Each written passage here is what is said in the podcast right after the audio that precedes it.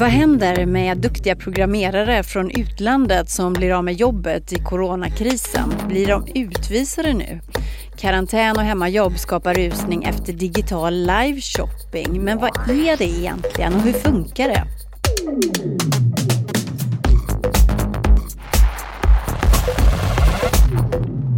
Hej, Katarina Andersson heter jag. Det här är Breakits podcast och idag är det långfredagen. Och nu för tiden så är det ju långmåndagen och långtisdagen och långonsdagen och långtorsdagen. Alla dagar känns ju långa.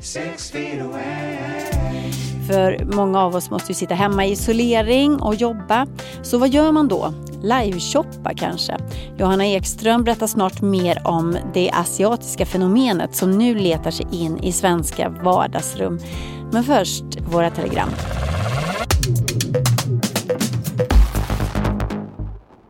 Krisen i modebranschen fortsätter. I mars rasar försäljningen av kläder med nästan 40 procent enligt nya siffror från Svensk Handel. Och den här veckan har exempelvis den anrika skjortkedjan The Shirt Factory gått i konkurs. Sportkedjan Stadium tvingas varsla över 600 personer och nätjätten Nelly varslar 35 personer.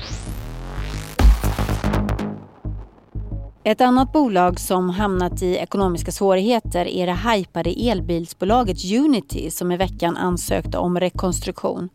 Breakit rapporterade redan i höstas om att bolaget hade slut på pengar och nu säger vdn att coronakrisen har satt ytterligare käppar i elbilshjulen och att potentiella investerare har dragit sig ur. Lanseringen av bolagets elbilar är alltså lagd på is ett bra tag framöver. Men en som inte verkar ha dåligt med cash under coronakrisen är finansmannen Sven Hagströmer. I veckan så stod det klart att hans investmentbolag Creade satsar 75 miljoner kronor på bolaget Instabox som jobbar med så kallade paketskåp. Instabox plan är nu att täcka hela Sverige med röda skåp där nätshoppare kan hämta ut sina varor genom att öppna med en kod. Och sammanlagt tar Instabox in 50 miljoner kronor via nyemission och 250 miljoner kronor i lån. Hej, det här är Camilla, VD på Breakit som hoppar in för att säga att vi den här veckan sponsras av Fondia, affärsjuristbyrån som faktiskt varit med oss på Breakit från dag ett fast under ett annat namn. Och det är man ju extra tacksam för i tider som dessa, att ha lojala kunder. Ehm, Fondia får just nu många frågor om hur man som företagare kan åberopa så kallad force majeure med anledning av coronaviruset. Och för att kunna hjälpa så många som möjligt så har de därför skrivit en snabbkurs i det här ämnet. Du hittar den här artikeln, Force majeure i coronatider, vad gäller nu och hur ska man tänka, på Breakits startsida. Där hittar du också Fondias nya pro bono-satsning Legal Aid Clinic. Ehm, det är en satsning där Fondia gratis svarar på affärsjuridiska frågor som är kopplade till utvecklingen av coronaviruset. Så det är superschysst, eh, både det och för att ni sponsrar podden. Tack Fondia! Yes.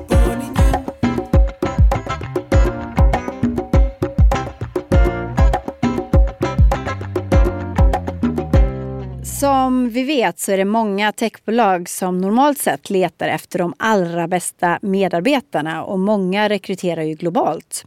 Men nu i coronakrisens spår så riskerar duktig kompetens att utvisas när jobben försvinner eller om bolagen begår små misstag. Och Tove Boström har grottat i det här i veckan. Hej på dig Tove! Tjena! I veckan har du alltså tittat närmare på hur duktiga medarbetare från andra länder riskerar utvisning nu när coronan har slagit till i Sverige. Kan du förklara varför de riskerar utvisning, de här duktiga techarbetarna just nu? Mm. Att krisen slår väldigt hårt mot våra techbolag, det vet vi ju. Förra veckan rapporterade vi exempelvis att Voi har fått varsla 100 personer. Och nu riskerar dessutom som sagt tusentals personer som jobbar inom olika delar av näringslivet att utvisas. Och bakgrunden till det här då är att många med utländsk kompetens är här på ett arbetstillstånd. Och blir de av med jobbet då försvinner också grunden för deras uppehållstillstånd. Jaha, är det så det är? Ja, precis. Mm. Jag pratade exempelvis med Peter Lindström. Han jobbar på ett bolag som heter Human Entrance som eh, jobbar med omlokalisering av kompetens. Eh, han varnar då för att vi kan stå inför en våg av kompetensutvisningar. Det tycker jag låter väldigt allvarligt. Och Breakit har ju rapporterat om det här mycket tidigare. Eh, det här med kompetensutvisningar. Mm. Programmerare som utvisas på grund av små missar hos eh, arbetsgivaren. Som att man inte har registrerat tjänstepensionsförsäkringen till exempel. Precis, och i det här fallet då så riskerar dels människor utvisning på grund av att de då har förlorat jobbet men det kan också handla om att man ramlar i sådana här fällor som du nämner. Det är viktigt att tänka på det här nu när det är kris, att ens förutsättningar kanske förändras och då är det viktigt att veta vad som gäller. Det är viktigt att anställningsvillkoren är i nivå med kollektivavtal. Sen finns det också krav på att man aldrig får gå under försörjningskravet. Det innebär att du alltid måste tjäna minst 13 000 kronor i månaden före skatt. Annars kan du ja, förlora ditt uppehållstillstånd och arbetstillståndet. Mm. Men om jag får backa lite då. Den som alltså blir av med jobbet och har uppehållstillstånd, den personen riskerar att bli av med det uppehållstillståndet då? Ja, eftersom ditt arbete är grunden till att du får vara här i Sverige. Mm. Men man kan ju tycka att det är märkligt då att det skulle bli så att människor som har jobbat här och råkar hamna tillsammans med alla andra i den här krisen kommer att bli utvisade. Istället för att man bara säger så här, ah, nu, nu skiter vi i att utvisa någon liksom, de närmaste månaderna. Eller hur? Mm, det händer ju väldigt mycket nu. Jag har frågat Migrationsverket om det här också och inte, inte fått något svar. Det är ju det är fullt möjligt att de kommer med nya riktlinjer eller åtgärder som gör att situationen förändras. Men just nu vet vi inte. Nej, och sådana här osäkra förhållanden är väl alltid superjobbiga för eh, entreprenörer och små företag, eller hur? Ja, men verkligen. Mm. Men vilka bolag är det då som, som kan drabbas av det här? Är det precis alla, eller? Det kan drabba alla möjliga olika typer av bolag. Exempelvis anställda inom restaurangbranschen där det har gjorts ganska stora varsel. Och som sagt, startups kan ligga i riskzonen om de inte har koll på reglerna som gäller. Ett annat problem också är att de bolag som rekryterar eh, specialkompetens från andra länder nu inte kan få in sin nya personal i landet för att ingen tar sig ut och ingen tar sig in. Oj, vad, vad kan det få för betydelse på sikt då? Ja, det slår ju väldigt hårt mot den enskilda individen men sen så, um, ja, den svenska techsektorn har ju kämpat med kompetensbrist under de senaste åren. Ehm, och även om det är tufft nu och många skär ner och så, så kommer man ju behöva den nyckelkompetensen förr eller senare. Ehm, och då riskerar vi att stå utan kompetens. Hur kan man göra nu då, även om läget är så otroligt osäkert? Vad skulle du säga, vad kan man göra för att undvika de här kompetensutvisningarna i coronakrisen? Mm, det kommer säkert tydligare riktlinjer men fram till dess så man får följa de riktlinjer som finns, de riktlinjer som Migrationsverket har.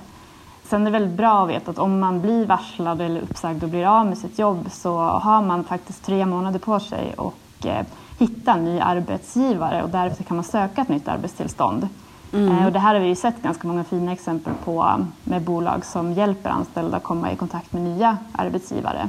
Hur då till exempel? Vad har du sett? Nej, men man har sett på LinkedIn och så bolag som har sagt att vi har varslat och behöver ni duktig kompetens och duktiga medarbetare, hör av er. Så det är väldigt fint. Mm. Sen är det en sak jag funderar över Tove. Det är ju så här att eh, myndigheterna säger att vi ska resa så lite som möjligt och det är reseförbud eh, till många platser och sådär i världen. Så frågan är om man ens kan utvisa någon just nu. Liksom.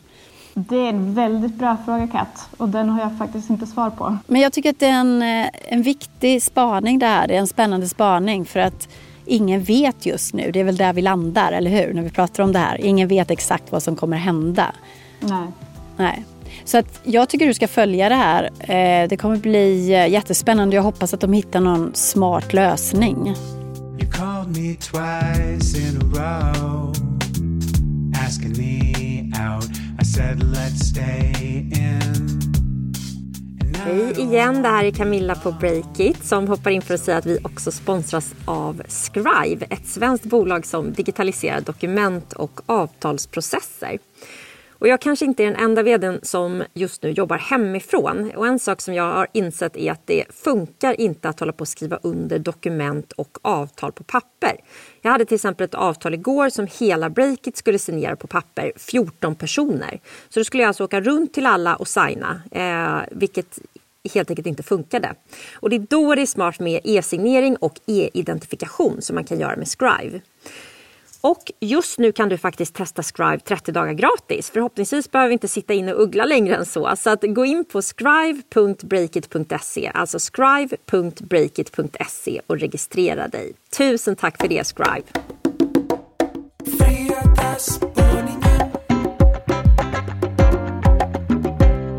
Nu händer det något väldigt roligt här i Breakits podcast. Johanna, jag ser dig inte. Du sitter under något himla täcke där, eller hur? Ja, precis. Jag ser bara en hakspets under ett täcke, men det är fine. Vi kan podda på det här viset också. Bara vi kör fort, för annars kommer syret ta slut här inne. Hur som helst, vi ska prata om live shopping, för det är ju superstort i Asien. Men på grund av coronakrisen så har trenden letat sig hit till våra svenska vardagsrum. Och vad är det och hur funkar det? Det har ju du tagit reda på Johanna. Och vi befinner oss nu i Sundbyberg i Stockholm. Jag heter Johan och idag så ska vi prata lite om bättre wifi-täckning i hemmet. Okej okay, Johanna, vad är det som händer här? Eh, jo men det här, eh, det här är, jag tror att det var till och med kanske premiären för Kjell Companys liveshopping. Och det finns några enkla knep för att få bättre wifi-täckning. Eh, jag har ju hört om liveshopping och Tom Chong har ju varit, här, varit i podden och pratat om det. Men jag, och jag har känt så här, men vad är det egentligen? Hur ser det ut? Så jag ville verkligen testa. Och då eh, dök det upp att just Kjell Company hade liveshopping. Och det tänk, tänkte jag att det lät ju lite spännande. Men är det det mest spännande du kunde komma på då, Kjell Company? Vad säljer de för någonting? Vi kommer in på det alldeles strax. Alltså det beror väl lite på vad man har för eh, liksom, intresseområde. Men det pass, den här låg bra i tid så att jag skulle hinna kolla innan eh, podden spelades in faktiskt. Nu visar han sin USB-port här. ja, men det var en kille, en säljare på, på Kjell Company som satt och visade upp sitt hemmakontor och hur man kunde lösa det smart med olika sladdar och adaptrar och allt vad det var. Ja. Blir du sugen på att köpa något? Eh, mer sugen än om jag inte skulle ha tittat på det här för då skulle jag aldrig ha kommit på att jag behöver vissa av de här grejerna någonsin. Men nu tänker jag ändå så här, ja men det där kanske är smart, man kanske ska kolla på det. Men jag kommer nog inte köpa något nu faktiskt. Nu tar vi det från början alltså. För att när man då tittar på en sån här live shopping, hur går det till från början? Klickar man på någon feed eller? Nej, men man, den, den, finns liksom uppe på deras hemsida. Så står det ah, men häng med på live, vårt live shopping event. Och då kommer det upp mm. som en egen, den är inbäddad på deras sajt, så kommer det upp som en, ja, men som en Instagram live nästan kan man säga. Fast det här, de använder ju Bambuser då, det här svenska företaget. Sådär då. God eftermiddag och eh, varmt välkomna till... Eh, och då är det en chatt på ena sidan och så står den här personen som sänder live och pratar och visar saker och så får man ställa frågor om man undrar någonting. Typ hur funkar din smarta belysning eller vad det nu kunde vara i den här chatten. Fanny skriver också, vad gör man om man behöver fler uttag på routern? Precis. Och så får man skickas skicka en massa hjärtan hela tiden. Det vill de gärna att man ska skicka, klicka i den här hjärtknappen så att det liksom strömmar upp hjärtan hela tiden. Men när du säger att man kan prata med den här personen så är det alltså i text då? Alltså man kan inte kasta fram en fråga i röst? Nej precis, det är text. Så man skriver frågor och så plockar. Och det kan ju vara så att det inte är den som eh, själv står och pratar som, liksom, utan det kan ju vara den som filmar då som säger ja ah, men nu fick du en fråga här om, om det här. Och så kan man svara, liksom, så det blir interaktion. Och sen det som ju gör det till e-handel, eller vad man ska säga, det är ju också att det går ju att shoppa då direkt i chatten. Produkterna som, som visas upp i liven pluppar upp i hörnet. Och så kan man klicka mm. på dem och så står det pris och så kan man lägga dem i varukorgen direkt i, i chatten. Men du, vad är det mer som sticker ut med, med live shopping tycker du? Jag tänker att den här personen som står där. Det är lite som tv-shop förr i tiden. Det måste vara en ganska öppen person, någon som, som kan ta för sig och vara lite så här programledare nästan, eller hur? Ja, det, det, det, tror jag underlättar och att man har liksom ett bestämt kanske tema. Jag tror att man måste göra lite show av det faktiskt. Sen så har jag faktiskt kollat också in Softgoat, de här, de säljer kashmirkläder ett svenskt bolag och de har också satsat på det här och de hade lite mer show och de hade liksom Ebba von Sydow den här medieprofilen hon, och influensen hon var med och, och, hennes poddpartner. Och de höll på att prova kläder och, och, och skojade lite och så här. Det verkade vara, de fick väldigt mycket interaktioner på det. Så om det här nu har blivit stort i Sverige, du har sett flera bolag som har börjat med det här. Eh, vem är det som vinner på det? Förutom kunden då som kan sitta hemma och, och shoppa på ett roligare sätt. Alltså jag skulle säga att det är inte stort riktigt än i Sverige. Det, ligger, det är verkligen i sin linda men däremot verkar det vara många företag som nu har liksom börjat känna att jo men vi måste prova, vi vill prova det här. Eh, och det här företaget då, Bambuser som har byggt tekniken bakom, de hamnade väldigt rätt. Deras aktie har ju rusat sedan de lanserade det här. Eh, så de tjänar ju på det kan man ju säga. Och eh, som jag har förstått det när jag har pratat runt så är det många ser det som ett sätt att bygga community och kanske få kunderna egentligen att liksom få lite mer relation till varumärket, stanna lite längre på sajten, det händer någonting där. Det är inte bara det här traditionella, men gå till kassan, gå till kassan, utan du kan interagera lite.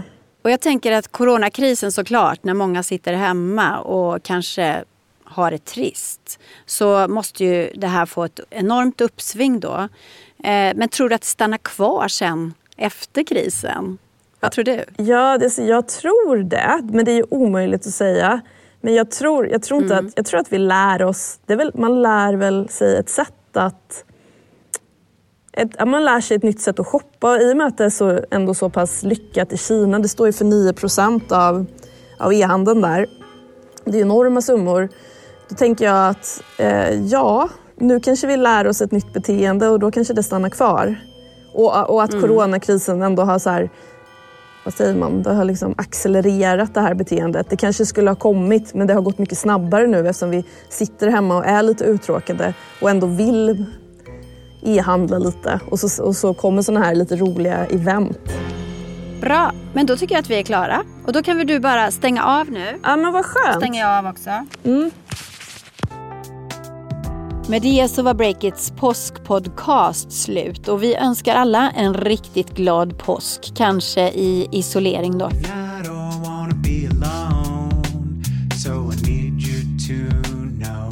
Och så skickar vi en tanke till alla som drabbats av coronan. Till dig som har varit sjuk och till dig som kanske till och med förlorat någon anhörig. Det blir en annorlunda och kanske lite ledsen påsk. Men nästa år då slipper vi förhoppningsvis den här eländiga skitsjukdomen. Så alla ni som är friska, håll igång gnistan. Och här kommer eftertexterna. Vi som gör den här podden är Caroline Englund, poddredaktör. Olle Aronsson är ansvarig utgivare. Jag heter Katarina Andersson och den här veckan har vi ynnesten att ha Fredrik Nilsson på plats för att mixa och klippa.